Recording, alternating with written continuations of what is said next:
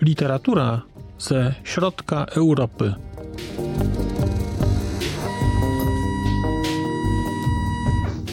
Podcast około książkowy.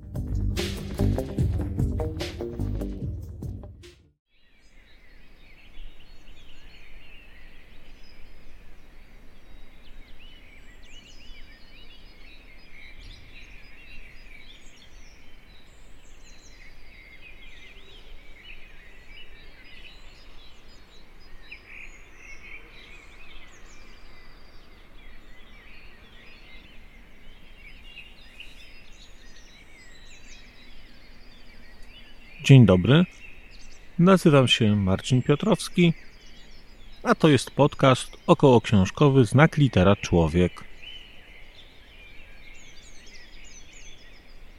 Dźwięki, które do Państwa dobiegają, mogą świadczyć o tym, że podcast stał się podcastem przyrodniczym, ale spieszę donieść, że nie, nie jest tak.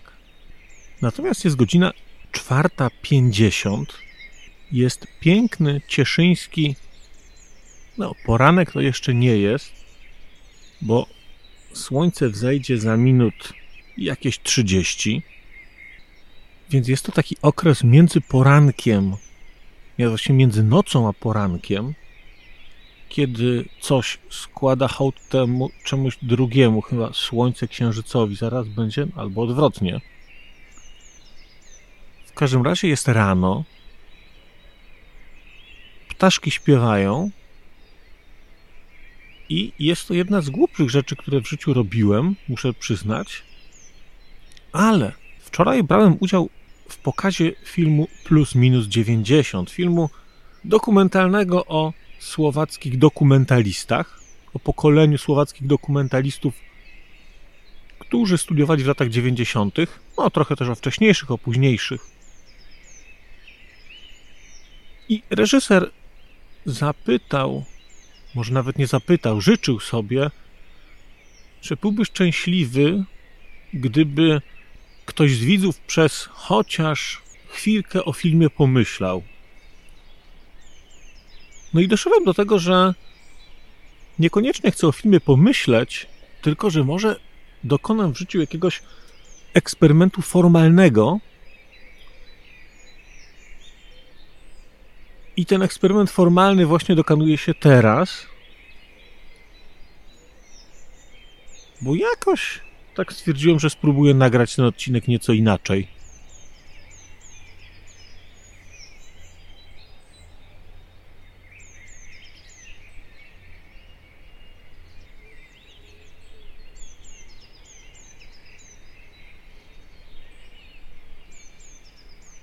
Drugi, jeszcze głupszy powód jest taki, że książka, o której będę opowiadał dzisiaj, czyli książka Markety Pilatowej z Batią w dżungli, dzieje się no, poniekąd w dżungli brazylijskiej i zarówno rzeka, jak i las, jak i ptaki są tam obecne wyraźnie. Nie ma na przykład samochodów, które jeżdżą obok teraz. I stwierdziłem, że jak czytałem książkę, w której tak wyraźnie ta przyroda była obecna i czytałem książkę o mgłach, które się podnoszą gdzieś tam z nad wody i o papugach, które krzyczą, to stwierdziłem, że kiedy będę stał nad Olzą wśród pięknych drzew, pomiędzy kasztanowcami, na takiej, przy takiej pięknej ścieżce dla biegaczy, teraz biegaczy nie ma, śpią, to stwierdziłem, że będzie w tym y, jakaś dodatkowa prawda. Jak mam być szczery, to ja tej prawdy nie widzę. Ale jak już wstałem i przyszłem tu, to nagram ten odcinek, a Państwo będą słuchali sobie cieszyńskich ptaków. Dodajmy, że są to ptaki z części czeskiej, gdyż jestem po części czeskiej i nie będę teraz przeprawiał się przez Olzę na część polską, bo właśnie będę teraz mówił z Czech do Państwa.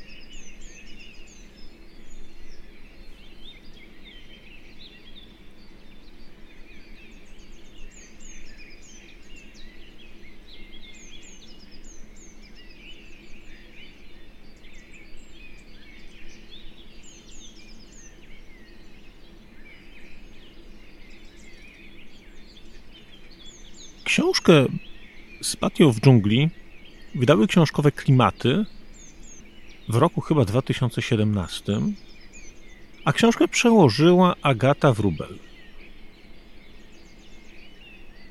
Jeżeli czytaliście Państwo książkę Żółte oczy prowadzą do domu, to książka z Batią w dżungli jest trudno powiedzieć, że kontynuacją, no bo opowiada zupełnie inną historię, ale jest książką bardzo mocno eksplorującą i taką rozwijającą wątki, które pojawiły się już wcześniej w książce Żółte oczy prowadzą do domu. Ja do tej książki miałem stosunek na początku zdystansowany, podobnie zresztą jak do książki Żółte oczy prowadzą do domu, tylko z Batią w dżungli wydawało mi się, że mogę przeczytać wcześniej, dlatego że zakładałem, że jest to książka o osobie, która stworzyła takie modernistyczne miasto w Czechach. I jakoś tak stwierdziłem, że kiedyś na pewno przeczytam, bo postać jest postacią ważną i dla, nazwijmy to, kultury materialnej czeskiej lat dwudziestych, jak i też e, dla całej kultury, tak generalnie czeskiej. Ale jakoś się tak nie darzyło mi z tą książką i zawsze tam odkładałem, bo stwierdziłem, że będą inne czasy. Ale kiedy przeczytałem Żółte oczy prowadzą do domu, którymi się zachwyciłem, no to stwierdziłem, że Batię też muszę przeczytać. W ogóle nie ma dwóch zdań bo te żółte oczy bardzo mi się podobały. No i właśnie jestem z opowieścią o książce z Batią w dżungli.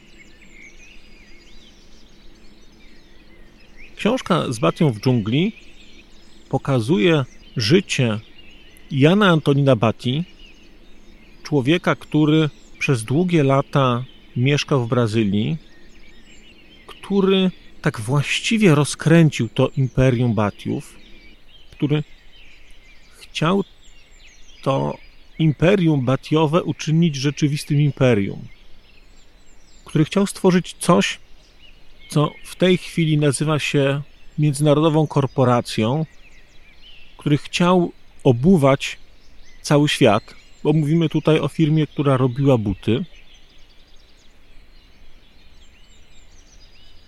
Mówimy o człowieku, który miał naprawdę wizję. Myślę, że w tej chwili to byłaby wizja gdzieś pewnie porównywalna z tym, co robi Elon Musk, co robił Steve Jobs. Zmiany myślenia o jakiejś tam kategorii rzeczy, która, którą znamy od lat. No i do pewnego stopnia mu się to udało, a do pewnego nie. Zaczynając od końca, można byłoby powiedzieć, że udało mu się to wszędzie, ale nie w Czechach czy w Czechosłowacji, bo przez długie lata Czesi się go wypierali. A Czesi się go wyparli, dlatego że kiedy Czechy zostały zajęte przez Niemców w roku 1939, to fabryki Jana Antonina Bati te fabryki były łakomym kąskiem dla nazistów. Batia był przedsiębiorcą, ale był też człowiekiem, który troszczył się o tych swoich ludzi i nie chciał podejmować różnych, nazwijmy to, radykalnych kroków.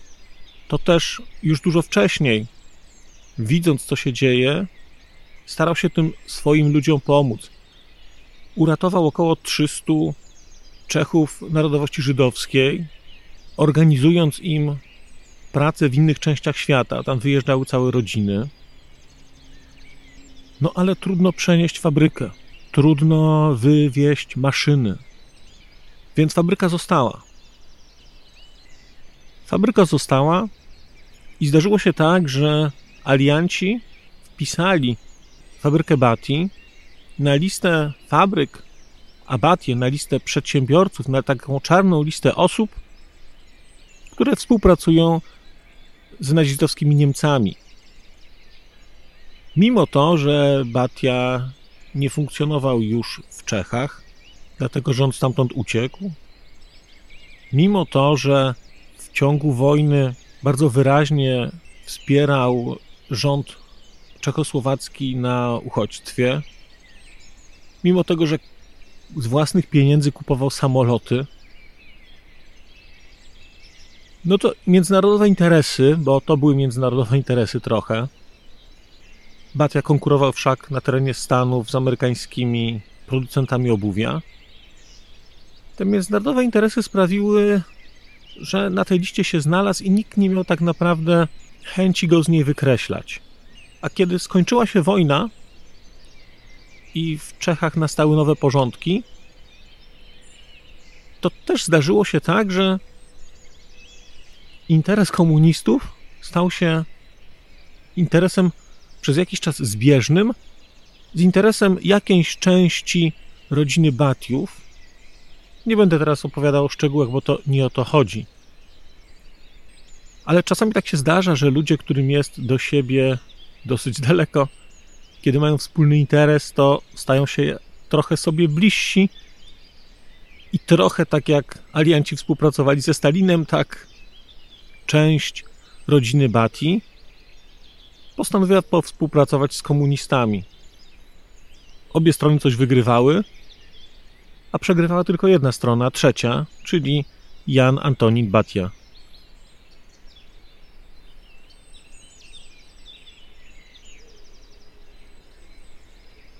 Książka, którą napisała Marketa Pilatowa, jest książką więc po części biograficzną. Mówię po części, no bo nie jest to klasyczna biografia, ale jest to taka książka, która jest bardzo mocno inspirowana czyimś życiem. W książce będziecie Państwo spotykać kilkoro bohaterów. Spotkacie Dolores Batiową. Dolores Batiowa jest osobą, która nadal żyje, jest wnuczką Jana Antonina Bati, mieszka w Brazylii.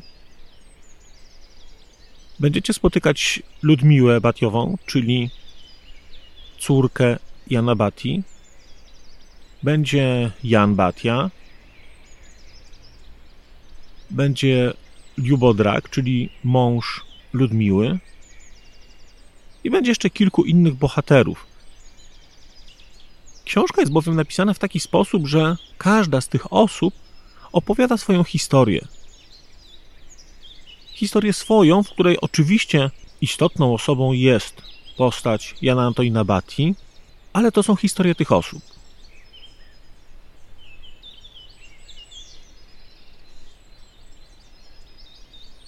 Tak jak te osoby to opowiadają, to historia, którą mówią, jest ich historią, co oznacza, że jest opowiadana w pierwszej osobie. Przez całą książkę będziecie więc słyszeć Państwo formę ja, pierwszoosobową. I to było dla mnie na początku odkrycie, bo jakoś na początku dziwnie się z tym czułem. Zwłaszcza kiedy zorientowałem się, że wypowiada się także Jan Antonin Batia. I że Jan Antonin Batia wypowiada się nie jako postać z tamtych czasów, tylko Jan Antonin Batia wypowiada się jako postać realna, postać nam współczesna, bo jest duchem. Jest duchem, który w tej chwili komentuje wydarzenia, komentuje sytuację, opowiada o swoim życiu, trochę nam rzeczy wyjaśnia i trochę pokazuje nam, co znaczy być duchem, jak się wtedy czujemy, kiedy jesteśmy duchami i jak się patrzy na świat oczami osoby, której już nie ma, która wszystko wie, która więcej rozumie i trochę nam te wszystkie rzeczy wyjaśnia.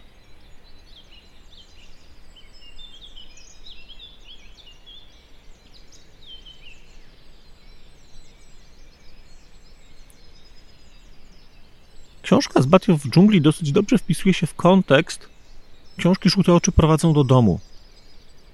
Mamy bowiem tutaj w formie czystej pokazane dzieje tej zagranicznej wspólnoty Czechosłowaków, właściwie Czechów, ale nie tylko.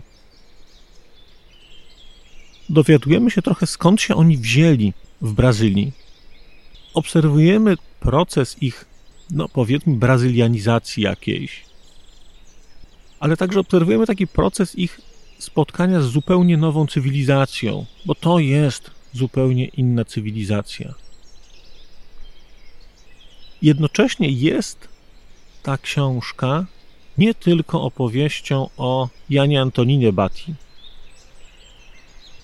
ale w bardzo dużym stopniu jest ta opowieść opowieścią nie tylko o Janie Antoninie Bati, ale także o Dolores Batiowej, o osobie, która jest osobą żywą, która stara się pamięć swojego dziadka kontynuować, która stara się doprowadzić do tego, żeby ludzie zrozumieli, jak było naprawdę, żeby ludzie zrozumieli, kim był, co zrobił, a przede wszystkim kim nie był.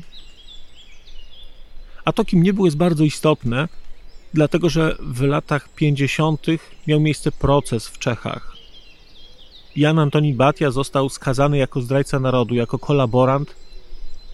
Jego majątek został znacjonalizowany, no ale to nie jest tak istotne. Istotne jest to, że, że Jan Antoni Batia był potraktowany jako zdrajca, jako osoba, która zdradziła państwo czechosłowackie, jako osoba, która zdradziła swoich współobywateli, jako jakaś osoba, która była całkowicie do tej rzeczywistości niedostosowana.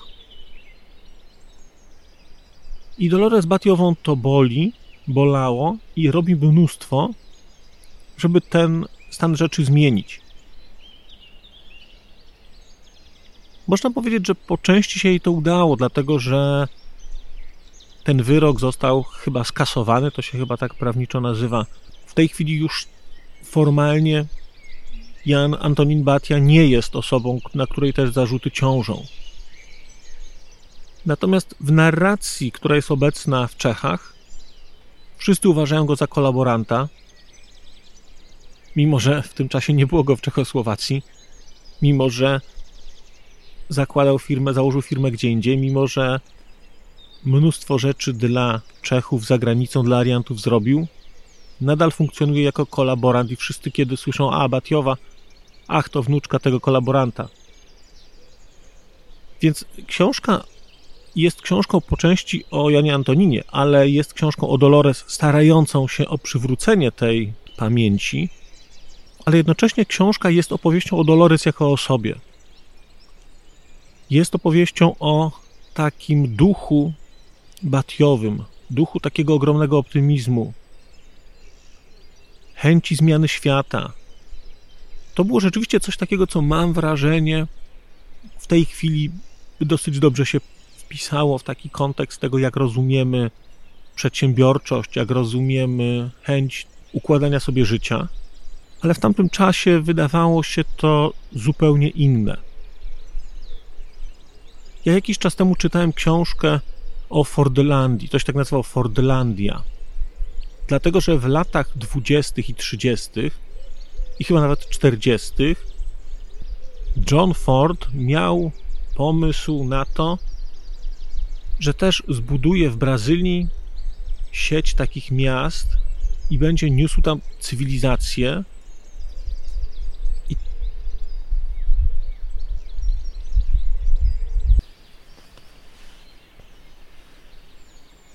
Dobrze, nałożyłem sobie osłonkę przeciwwietrzną, więc może trochę jeszcze się uda dokończyć tutaj nagranie wśród ptaszków czeskich.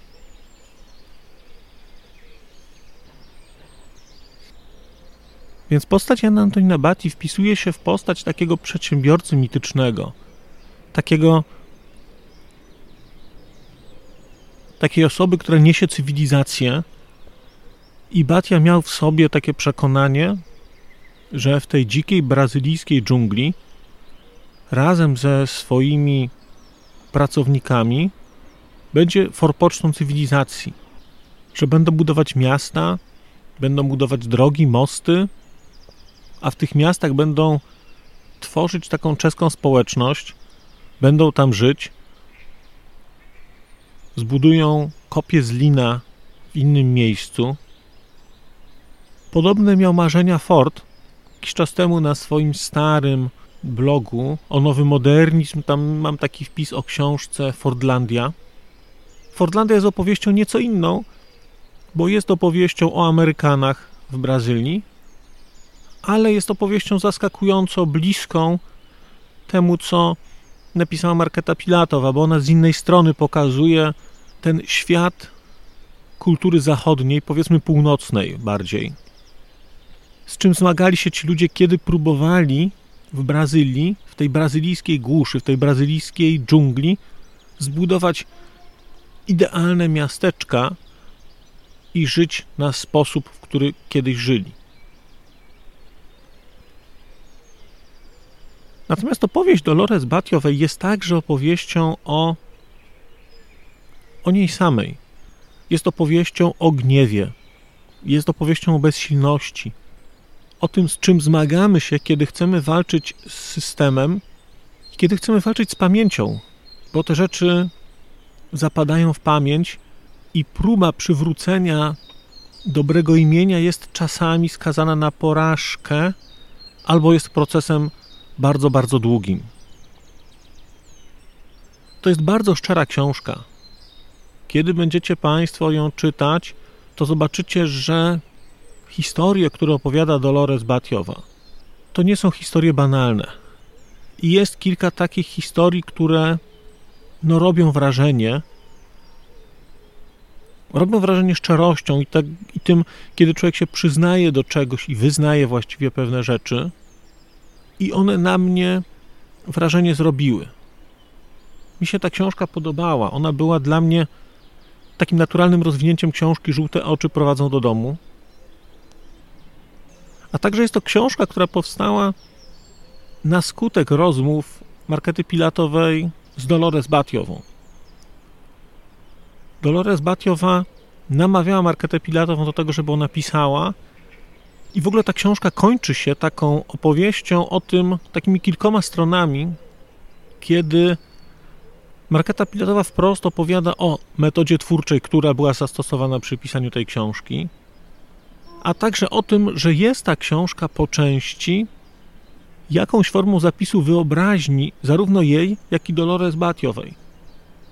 Bo po części opowiada historie, które się wydarzyły, i to jest historia Dolores, jest sporo dokumentów w tej książce, ale po części jest to zapis imaginacji autorki Dolores, próby zrozumienia bohatera, próby oddania głosu Janowi Antoninowi, ale nie tylko, bo także, bo także ojcu, bo także matce, próby pokazania, co znaczyło być w pewnym czasie Europejką w Brazylii,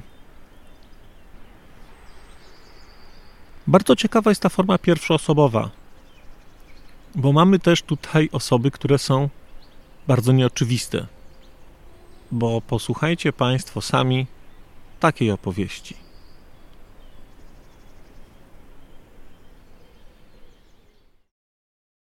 Córka szefa.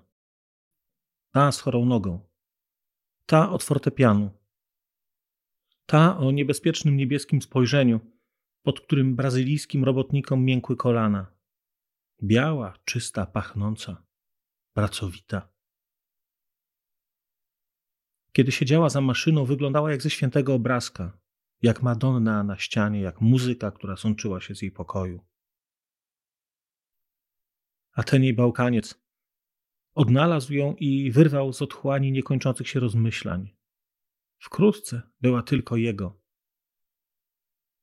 Uwielbiałam zaglądać do ich pokoju, nigdy nie potrafiłam oprzeć się pokusie. Przyjeżdżał w ciągu nocy, budziły mnie reflektory samochodu. Moje niedyskretne spojrzenie docierało w niejedno miejsce, a patrzenie na tę dwójkę sprawiało mi wyjątkową przyjemność. Kiedy tańczyli, sama miałam ochotę ruszyć do tanga.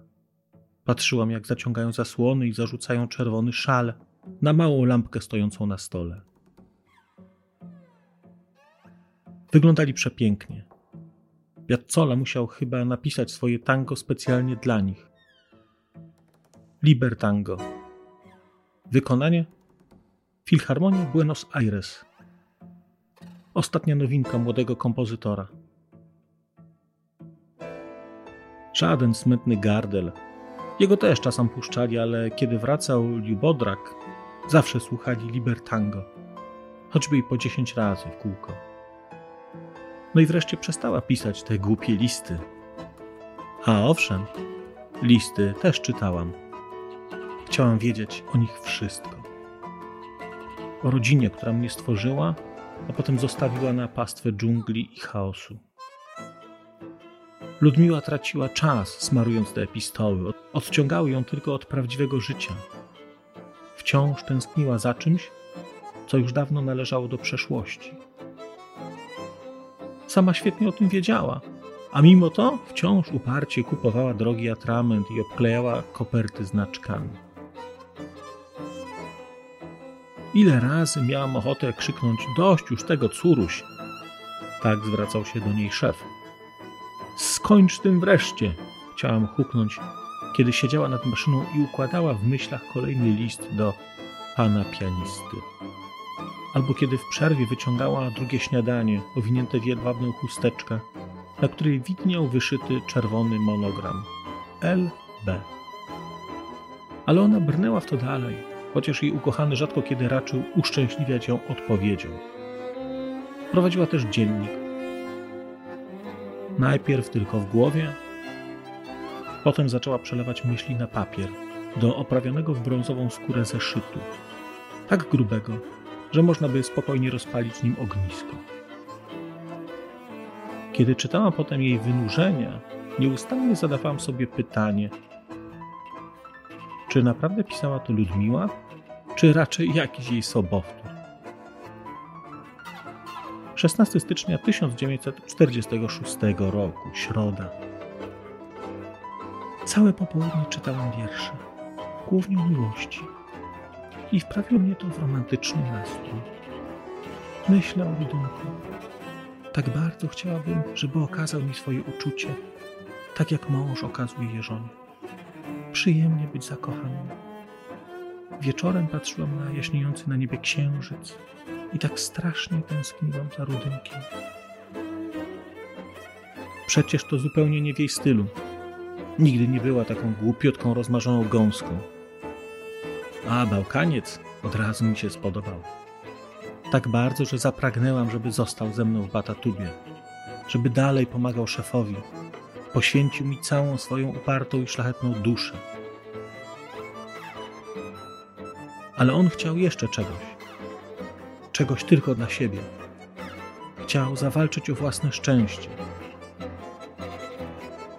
Rozumiałam to, ale nigdy mu nie wybaczyłam. Był moją nieodwzajemnioną miłością, chyba pierwszą, a z całą pewnością ostatnią. Zadłużyłam się w nim po uszy. Chciałam, żeby miał swoją Ludmiłę i swoją Dojojo. I żeby pewnego dnia przejął od szefa stery. Ale życie to nie głupia polka, to tango. A tango nie bywa proste i radosne.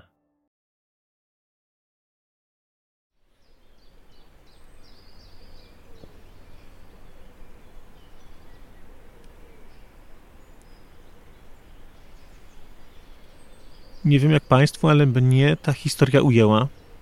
Mnie ujęła historia opowiedziana z perspektywy fabryki, opowiedziana z perspektywy miejsca. Ta fabryka pojawia się tam jeszcze kilkukrotnie, to nie jest jedyny raz, kiedy ona mówi. No i jest ta książka dla mnie takim bardzo ciekawym przykładem rozwoju jakiejś fabuły, bo ta książka jest naturalną kontynuacją książki Żółte oczy prowadzą do domu, ale kontynuacją na poziomie koncepcyjnym. Mamy bowiem tę samą społeczność, mamy bowiem ten sam kontekst, mamy bowiem ten kontekst wyjaśniony, uszczegółowiony, ale bohaterowie są inni. Dla mnie było to bardzo ciekawe, aczkolwiek no większe wrażenie zrobiły na mnie żółte oczy, bo dostajemy trochę wariację, ale dużo, dużo bardziej pogłębioną na temat tej czeskiej wspólnoty w Brazylii. Ale wariacja, jak mówię, jest bardzo, bardzo pogłębiona. Do tego stopnia, że nie wiem nawet, czy słowo wariacja jest odpowiednie. To jest po prostu zupełnie inna historia, bardzo pogłębione spojrzenie i rzecz, mam wrażenie, dla mnie była bardzo świeża, zarówno pod kątem historii, jak i pod kątem też bohaterów. Nie znałem tej historii w taki sposób, nie znałem tych bohaterów. Było to dla mnie bardzo interesujące i także zakończenie było dla mnie interesujące. Bardzo szanuję też autorkę za to, że wprost powiedziała i wprost napisała, czym ta książka nie jest. A dzięki temu, że napisała, czym książka nie jest, to moim zdaniem dodaje to tej książce prawdziwości. Dlatego, że Marketa Pilatowa nie udaje, że pewne rzeczy się wydarzyły, bo nie wie, czy się wydarzyły. To jest w posłowiu wprost powiedziane. To jest jakieś jej imaginarium, to jest jakieś jej rozumienie tych tematów. To jest próba oddania głosu, próba wczucia się we wrażliwość Jana Antonina Bati.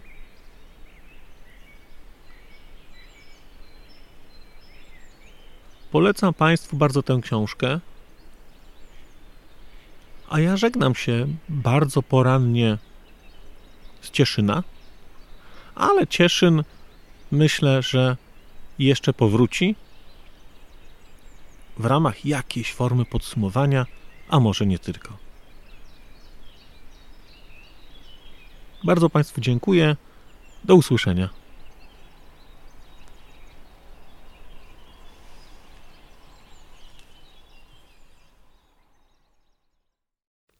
A już zupełnie na koniec powiem, że skoro wysłuchaliście Państwo tego odcinka, to w jego opisie znajdziecie link do serwisu YouTube. W wersji YouTube'owej e, jest miejsce na skomentowanie go. To jest takie miejsce, gdzie można komentować ten odcinek, rozmawiać, zadawać pytania, wymieniać się spostrzeżeniami, do czego Państwa bardzo zachęcam, gdyż udało się już na tym YouTubie zgromadzić trochę bardzo ciekawych osób, bardzo ciekawych komentarzy i trochę stworzyć taką społeczność ludzi rozmawiających o książkach. Też na koniec, zupełnie na koniec, e, poproszę Państwa o wystawienie oceny mi w ramach e, tych platform podcastowych, na których Państwo tego odcinka wysłuchaliście. I nieważne jaka ta ocena będzie, istotne dla mnie po prostu, że będzie. Tymczasem się żegnam już naprawdę i do usłyszenia za czas jakiś.